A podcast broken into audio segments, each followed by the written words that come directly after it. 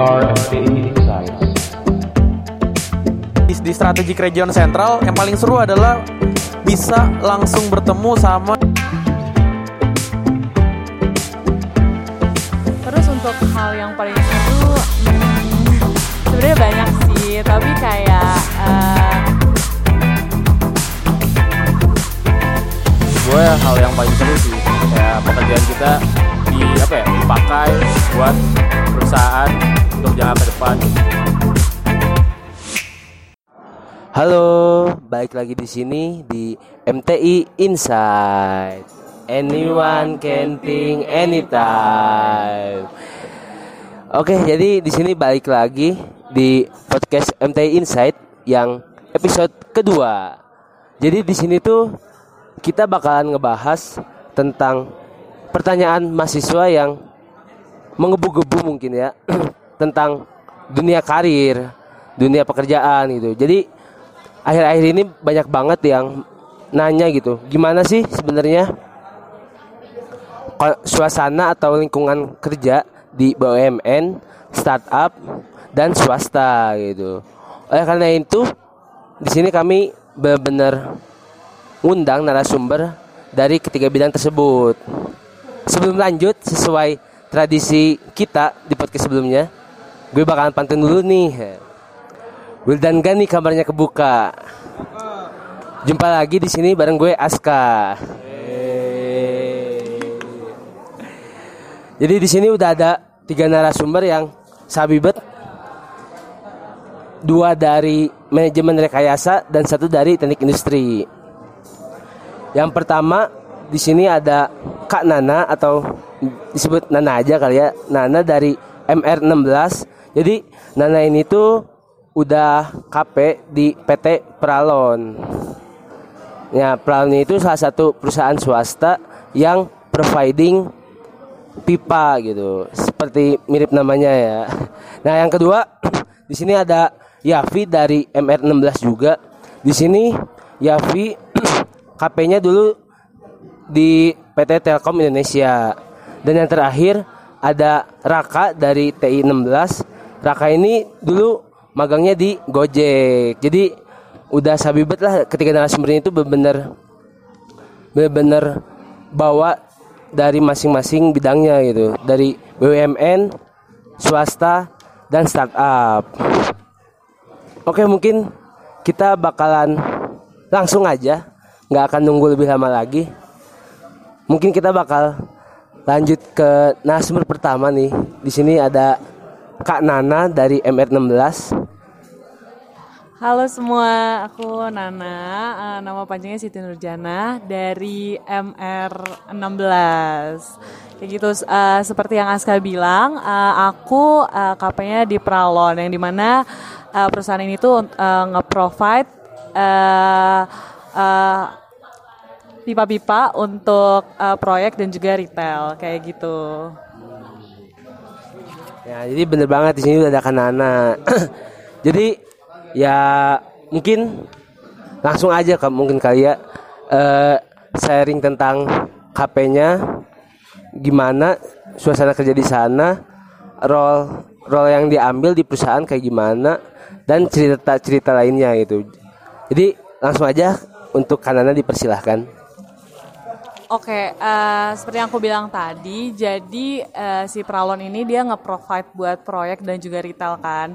Nah, aku itu masuk ke eh, bagian retail. Nah, eh, tepatnya itu di divisinya eh, sales and marketing. Jadi di sana aku tuh me- mencari tahu cari tahu eh, solusi marketing apa sih yang cocok untuk eh, retailnya si PT Pralon. Terus untuk hal yang paling seru, hmm, sebenarnya banyak sih, tapi kayak eh, yang pertama banget yang paling seru tuh kayak aku jadi tahu nih eh, di dunia kerja itu eh, seperti apa sih, kayak sebenarnya orang-orangnya itu diverse loh. Kalau misalnya kita di kuliah kan eh, orang-orangnya itu eh, satu pemikiran sama kita karena eh, umurnya juga setara, terus juga eh, apa yang kita pelajari di kelas itu sama. Tapi ketika kita udah masuk nih di dua di dunia kerja itu tuh kayak bener-bener diverse. Jadi kayak banyak insight-insight yang aku dapetin dari eh, jurusan-jurusan lainnya atau kayak orang-orang yang lebih tua daripada aku Ka- eh, kayak gitu sih Wah, seru banget ya kalau ngedenger cerita dari Kanana ini. Mungkin di sini aku bakal sebelum lanjut bakal nanya dulu nih proses apply buat magang di sana tuh kayak gimana sih kak sebenarnya?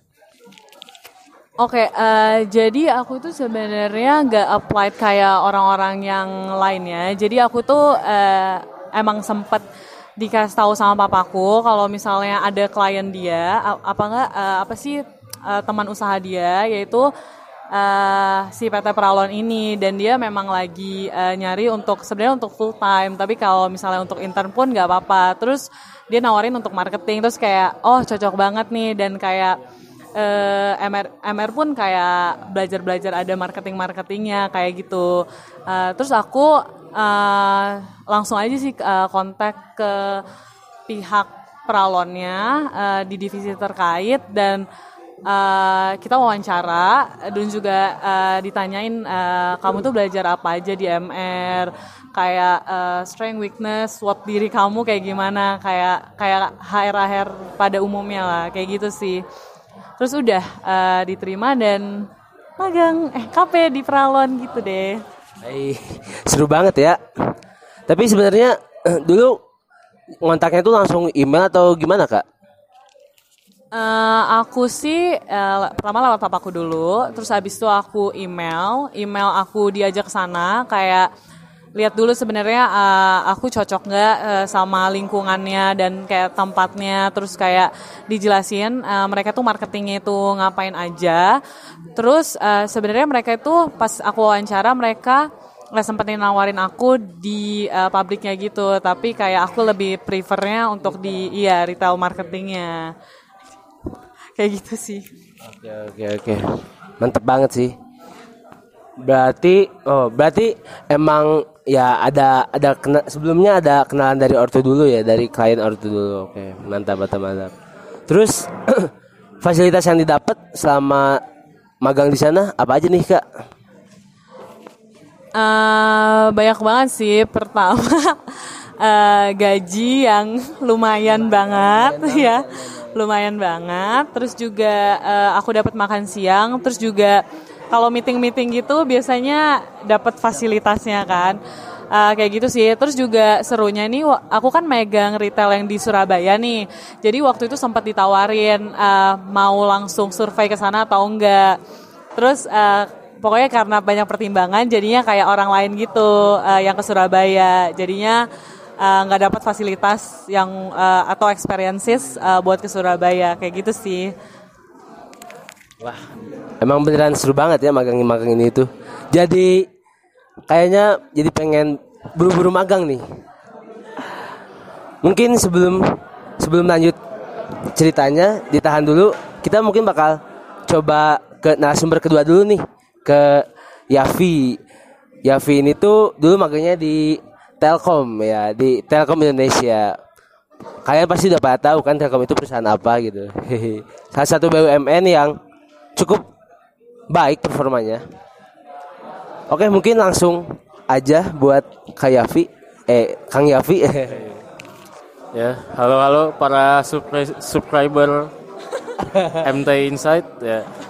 Ya perkenalkan saya gue Yavi dari MR16. Eh, magangnya dulu di Telkom Indonesia di Jakarta. Eh, tepatnya di divisi digital service. Eh, di Telkom sendiri tuh di divisinya lagi dibagi-bagi jadi tribe-tribe gitu sistemnya atau suku-suku gitu.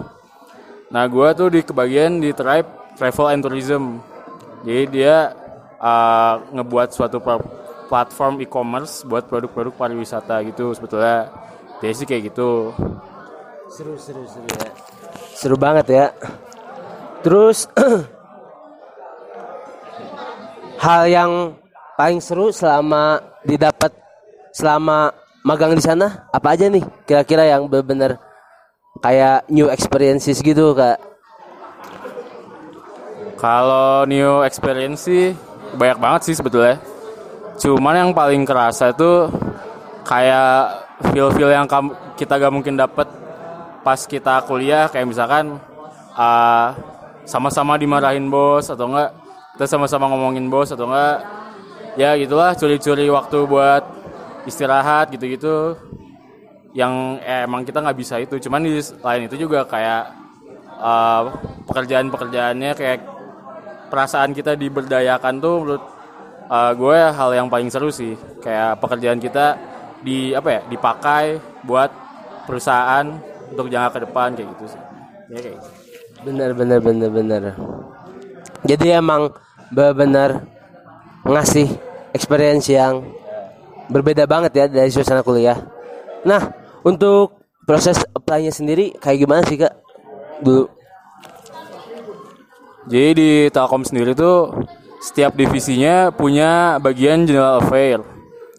Nah, setiap uh, orang pihak eksternal yang ingin melakukan sesuatu di Telkom tuh termasuk kerja praktek biasanya lewat general affair dulu.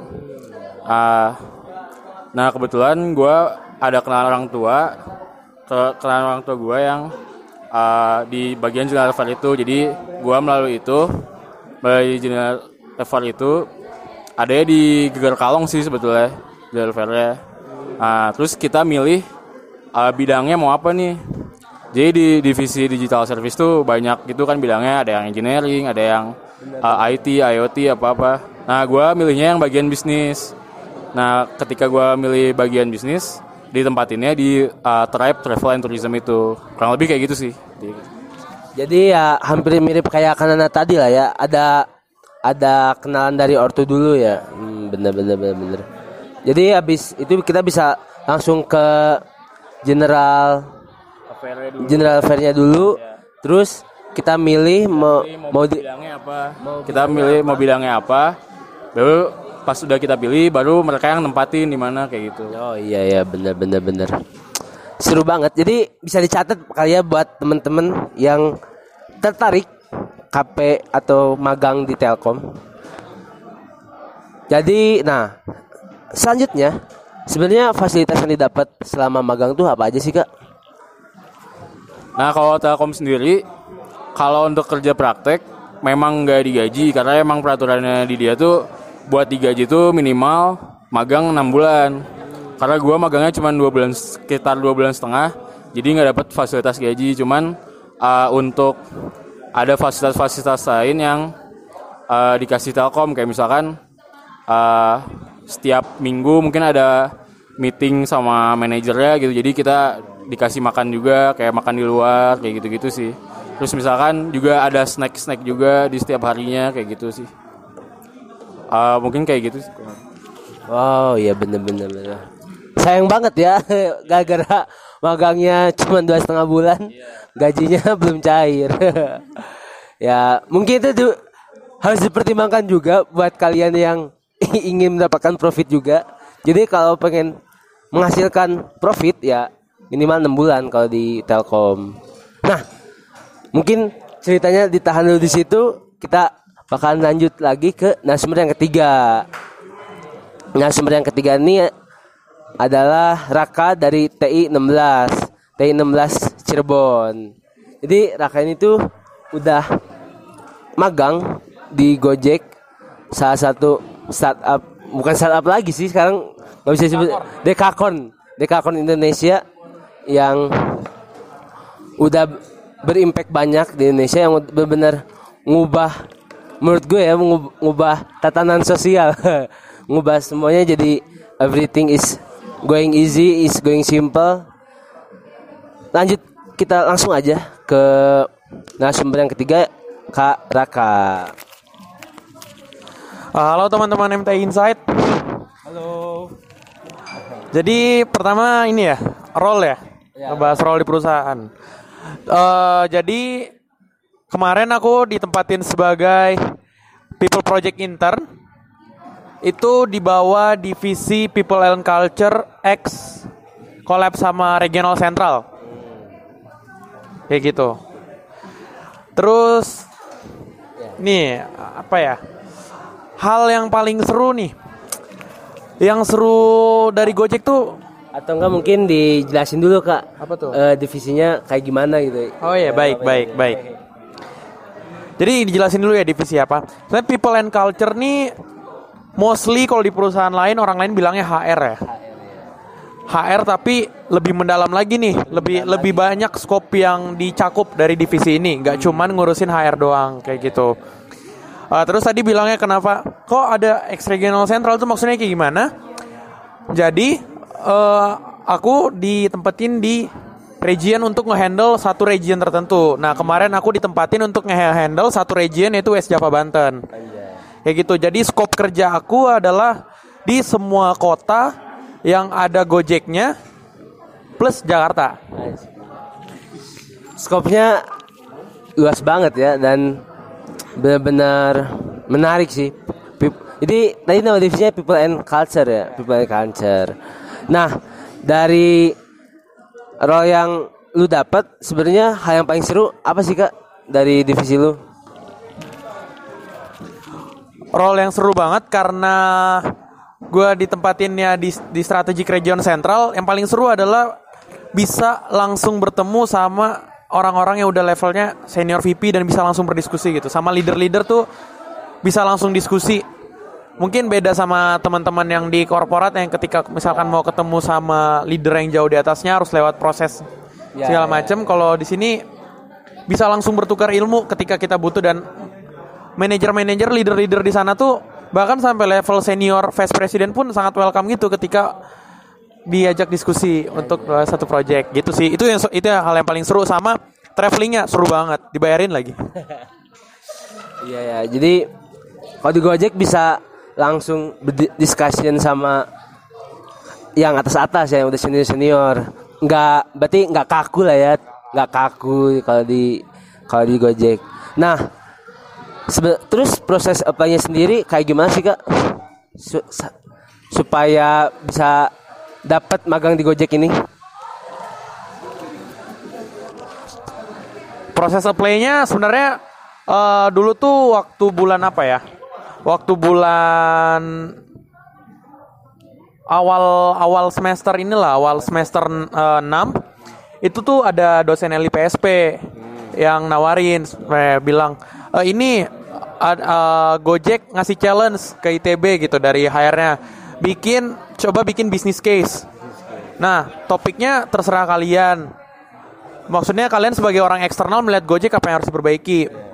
Nah akhirnya aku ngelakuin itu terus nge-propose ke HR presentasi ke HR lolos setelah lolos itu ada tahap ini interview HR Habis interview HR itu ada tes astronot. Tes astronot tuh ada tes data interpretation kayak ngebaca grafik segala macam, uh, forecasting dan lain-lain. Setelah itu ada tes tes video gitu masih pakai astronot juga.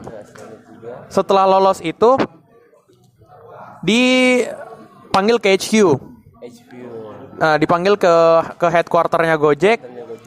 Di situ kita ngelakuin FGD marketing. Jadi kasus kasusnya kemarin adalah eh, pengguna Gojek saat ini ada 68% adalah wanita, sisanya adalah pria. Diminta bagaimana caranya kita ningkatin pengguna pria ini. Nah, akhirnya udah aku nge-propose suatu ide. Kemudian lolos. Abis itu interview sama user.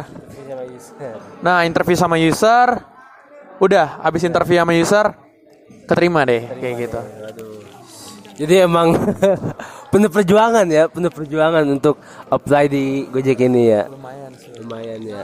Dari mulai bikin bisnis case, bisnis bikin model bikin model bisnis baru, terus ngepropose ke HR sampai ya interview sampai beberapa sebelum interview ada beberapa tes juga yang cukup ribet juga dan sampai akhirnya bisa di interview sama user ya. Jadi ya berarti emang cukup panjang gitu ya.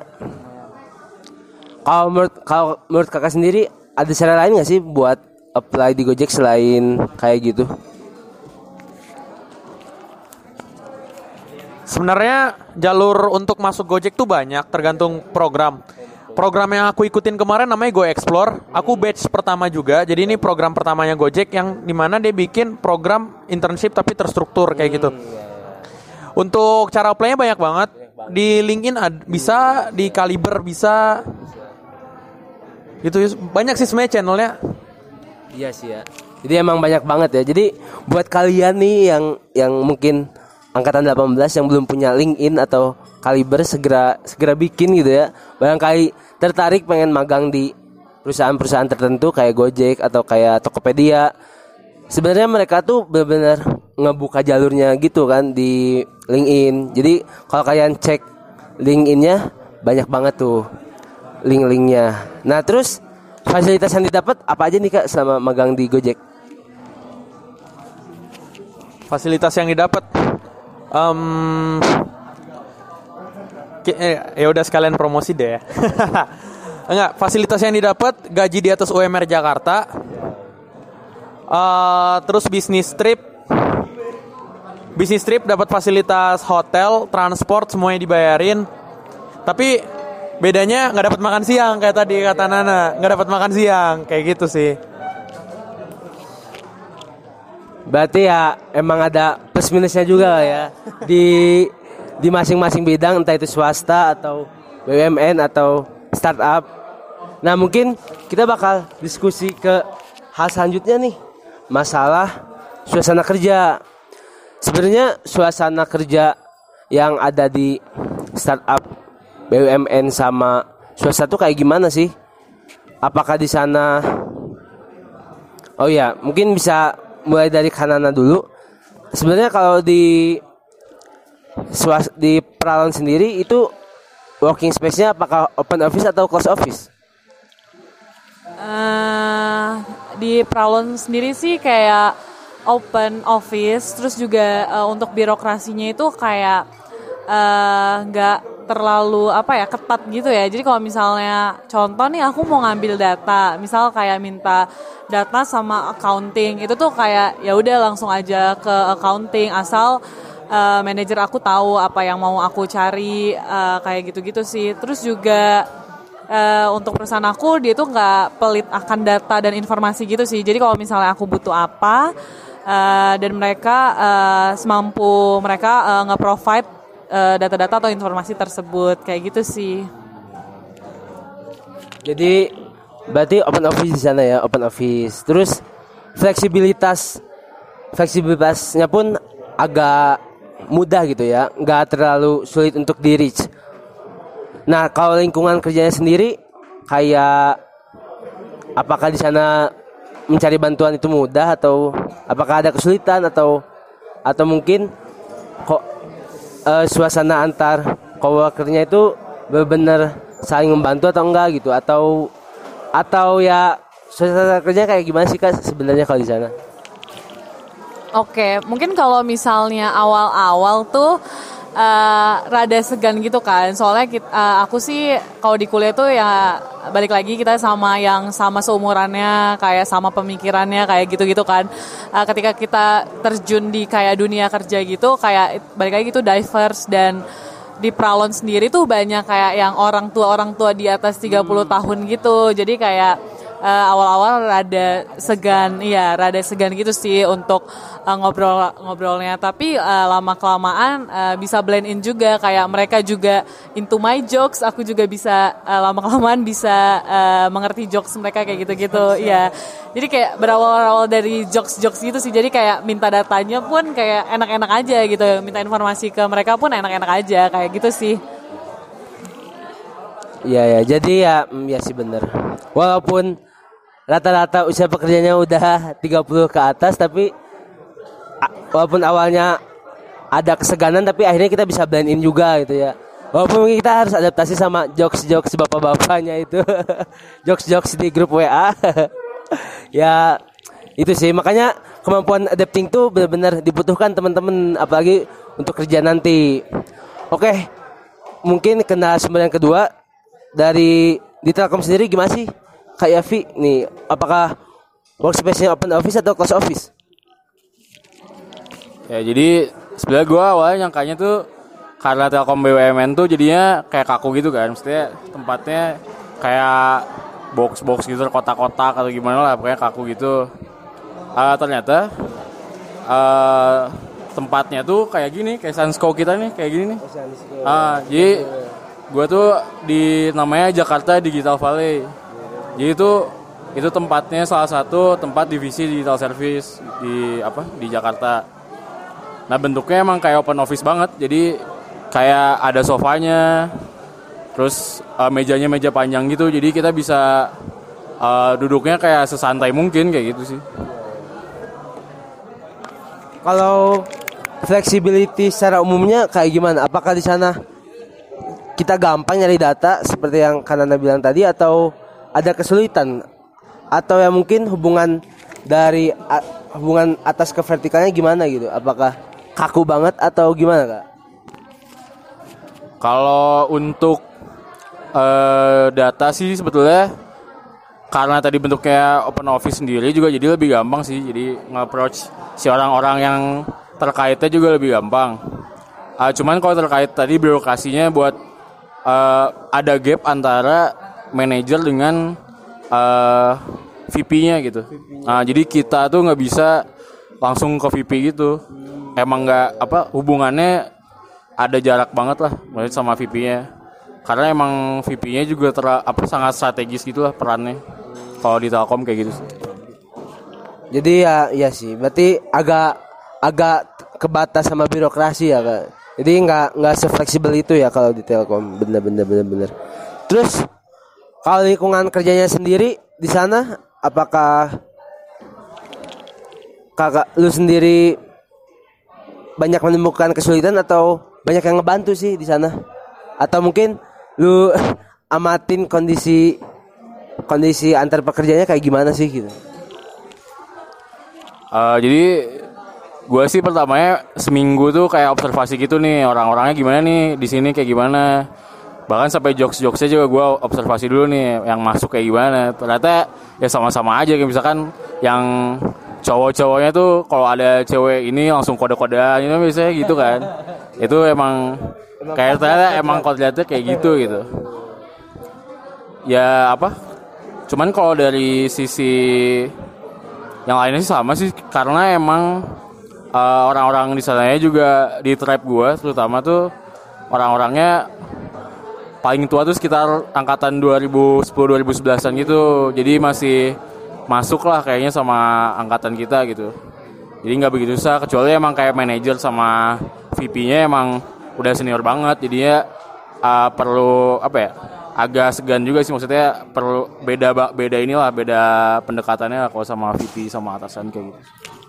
Berarti emang secara gap umur nggak nggak terlalu jauh kayak Kanana tadi lah ya. Mungkin beda 5 atau 6 tahun gitu ya. Bener bener bener bener bener. Nah, sekarang lanjut ke narasumber yang ketiga dari Karaka. Di Gojek sendiri gimana sih kondisi working space-nya apakah open office atau close office, Kak? Di Gojek open office. Ya. Karena kita fast moving environment, kita suatu perusahaan yang hyper growth. Jadi segala ide tuh bisa muncul kapan aja kayak gitu. Makanya kita open office.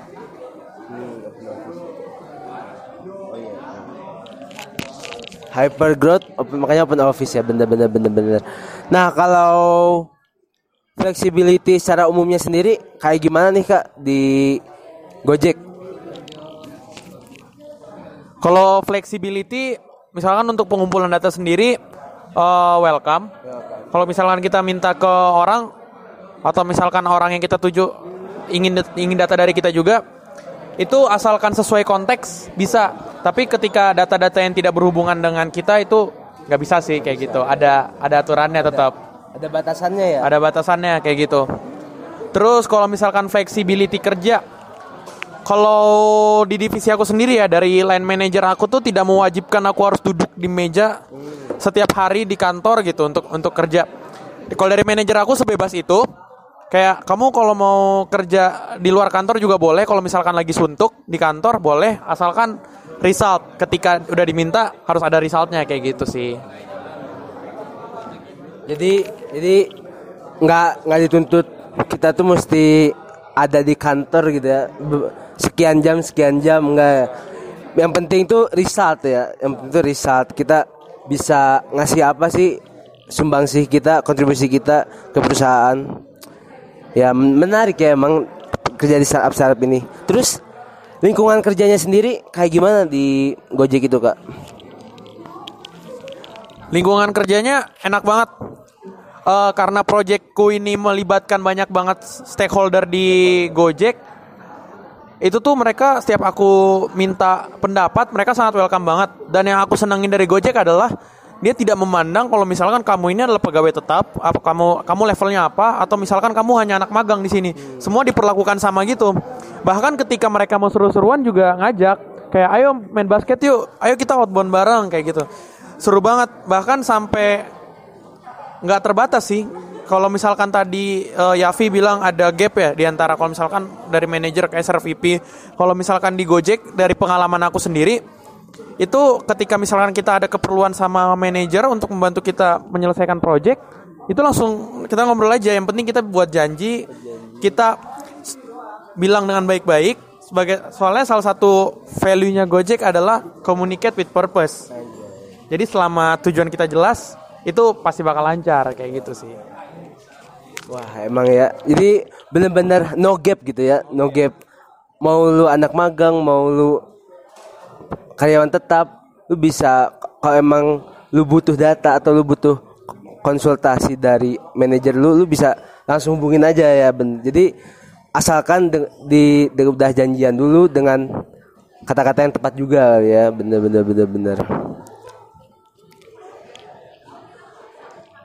Nah, sebelum sebelum lanjut lagi oh iya tadi sebenarnya lupa disinggung sih di yang di swasta tuh sebenarnya jam masuknya tuh fleksibel atau gimana sih mungkin bisa ke kanana dulu Eh, aku nggak fleksibel sih ada waktu yang udah ditentuin gitu. Jadi eh, masuknya setengah sembilan, eh, pulangnya setengah enam. Itu kayak dari hari Senin sampai hari Jumat kayak gitu terus sih, kayak gitu. jadi emang udah tok jam segitu ya? Kalau kalau tadi di Gojek kan misalnya bebas yang penting result ya. Bahkan lu nggak harus selalu ada di kantor. Tapi kalau di kanan sendiri nggak fleksibel ya. Harus tok jam segitu. Dari dari jam berapa tadi kak Eh, setengah sembilan sampai setengah enam. setengah sembilan sampai setengah enam oh iya ya I see I see I see kalau di Telkom sendiri gimana nih kak Yofi Sebenarnya ada jam ininya sih. Jam kayak tetapnya gitu kayak jam 8 sampai jam 5 sebetulnya. Cuman eh, karena gimana ya? Karena kan di Telkom juga banyak kayak programmer gitu-gitu. Emang di Telkomnya sendiri gak nge-strikin itu kayak misalkan harus datang jam 8 tapi kalau misalkan dia datangnya jam 10 gitu ya udah berarti dia harus nambah dua jam dari jam pulangnya biasanya kayak gitu jadi lebih fleksibel sih sebetulnya tapi kalau aturannya sendiri sih jam 8 sebenarnya kayak gitu Iya sih ya. Lebih fleksibel tapi tetap harus tanggung jawab gitu ya. Ketika kerjaan lu belum beres ya lu extend gitu ya. Bisa sampai jam 10 malam gitu ya. Ya, jadi ya ya mungkin tak di Gojek Gojek juga kayak gitu ya kayak. Di Gojek tuh karena sebenarnya kita nggak punya jam kerja, nggak punya jam kerja yang strict. Tapi mostly sih orang-orang eh, ya datang jam jam 9, jam 10, tapi kayak jam sore itu udah pada balik. Tapi karena kita nggak punya jam kerja yang strict, terkadang kita bisa kerja dari pagi banget, pulangnya malam banget kayak gitu. Bener bener. Jadi fleksibel di sini tuh bukan berarti lu bisa malas-malasan ya. Simple bukan berarti mal masa. Malas-malasan tapi ya justru itu benar-benar apa ya? Bener-bener pengen ngelihat result tuh kayak gimana sih komitmen lu di perusahaan ini kayak gimana gitu ya. Jadi jangan sampai salah kaprah nih gengs tentang flexibility working gitu, flexibility ya flexibility jam kerja kita gitu. Nah, karena diskusinya udah bener-bener seru banget dari tadi ya, dari mulai role, dari mulai kendala, dari mulai proses apply-nya kayak gimana, fasilitas yang didapat, working space-nya kayak gimana. Mungkin ada pesan dan saran nggak buat pendengar-pendengar, buat sobat MTI, sobat sobat MTI yang pengen magang di situ atau pengen magang di swasta atau di BUMN atau di startup gitu. Mungkin dari Kanana mungkin Eh, mungkin eh, saran dari aku sih eh, kalian bisa magang di mana aja. Tapi mungkin kayak pertama-tama kayak kalian identifikasi dulu nih kayak eh, kira-kira aku tuh cocoknya di divisi apa sih kayak eh, berdasarkan materi-materi kuliah tuh aku lebih suka apa sih biar kayak eh, nanti ketika udah di perusahaannya itu tuh kayak applicable banget.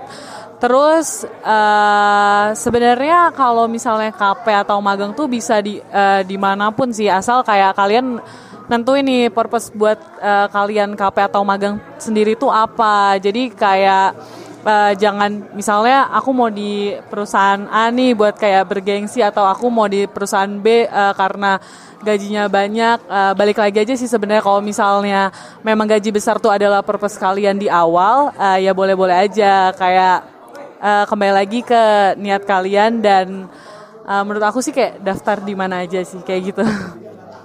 Jadi balik lagi ke purpose kalian gitu. Jadi buat kalian yang pengen KP benar harus nentuin dulu purpose kalian kerja praktik tuh apa sih sebenarnya gitu ya kak. Apakah itu nyari gaji atau nyari apa gitu. Bener banget. Nah, mungkin dari Kak Yafi gimana? Dari Kak Yafi.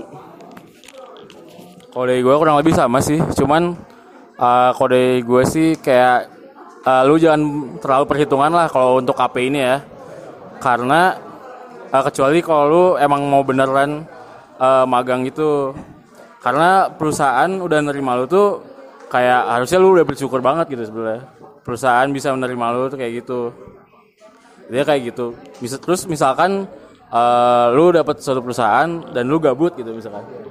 Itu jangan lu salahkan perusahaannya tapi selain diri lu nya kenapa nggak coba cari explore uh, ke semua yang ada di perusahaan itu? Apa yang bisa didapat dari perusahaan itu? Kan nggak cuman berkaitan dengan pelajaran gitu maksudnya kayak kepemi- kepemimpinan dari si manajernya atau enggak dari kisah-kisah kehidupan apalah kan banyak tuh yang bisa kita gali dari uh, lingkungan kerja gitu. Maksudnya nggak cuman penerapan si ilmu dari si kuliah itu.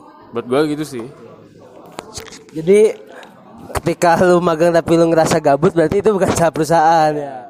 Itu sebenarnya salah diri lu sendiri gitu.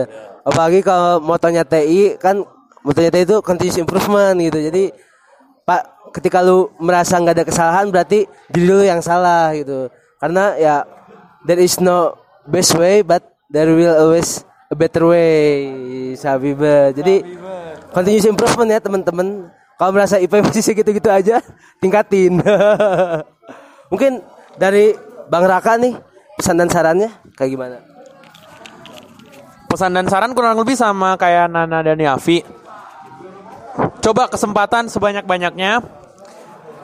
Eh, kehidupan atau misalkan kehidupan magang gitu, yang enak cu- nggak cuman di startup doang, nggak cuman di BUMN doang, nggak cuman di swasta doang, tapi banyak banget eh, wahana-wahana perusahaan-perusahaan yang bisa kalian gunakan. Kalian bisa kalian explore gitu untuk mengembangkan diri kalian. Sebenarnya tujuannya di situ sih. Kalau saran dari aku adalah apply aja banyak dan pilih yang memberikan benefit paling besar terhadap diri kalian. Kalau dari aku sih kayak gitu kemarin. Jadi mulai aja dulu, mulai aja dulu. Pasti ada jalan. Pasti ada jalan. Pasti ada Pasti ada jalan. Gojek banget ya. Jadi bener banget teman-teman ketika ya karena kesempatan tuh ada karena dicari gitu ya. Ciri ciri orang yang berdoa adalah berusaha anjay. Jadi kalau misalnya kita rekap ya dari KP-KP ini tuh ya udah agak kebayang sih ya kayak gimana lingkungan kerjanya, kayak gimana fleksibilitasnya gitu. Dari mulai yang di swasta misalnya dari swasta tuh emang jamnya tuh tok banget nih jam segini sampai jam segini. Kalau di BUMN juga agak agak dipatok tapi ketika lu telat lu mesti extend lagi sampai jam segini. Nah, kalau di Gojek tuh bener-bener bebas gitu ya. Bahkan lu nggak harus ada di kantor pun bisa asalkan riset lu bener-bener ada gitu lu bener-bener ngasih kontribusi nah jadi gitu teman-teman jadi banyak banget hal yang bisa kita ambil dari sharing kakak-kakak ini. Semoga ke depannya lulus semua sobat-sobat MTI bisa magang di tempat yang kalian inginkan gitu ya. Karena ya sekali lagi tentuin dulu purpose dari sekarang pengen jadi apa pengen di divisi apa gitu. Nggak harus selalu di perusahaan A perusahaan B nggak harus selalu di startup ini BUMN ini gitu. As long as itu sesuai dengan purpose yang ingin lu capai ya ambil aja gitu. Sama tadi pesan yang cukup penting juga dari Kayafi jangan jangan terlalu lihat dari benefitnya lah gitu. Karena ketika lu udah diterima di perusahaan itu lu udah beruntung banget gitu. Karena masih banyak orang-orang yang kesusahan buat KP di sini kayak gimana kayak gimana.